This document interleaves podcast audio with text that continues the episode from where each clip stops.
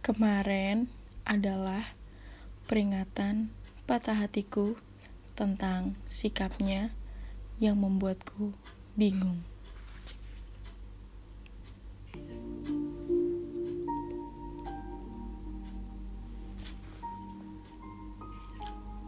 Aku belum menemukan jawaban dari dirimu sampai detik ini.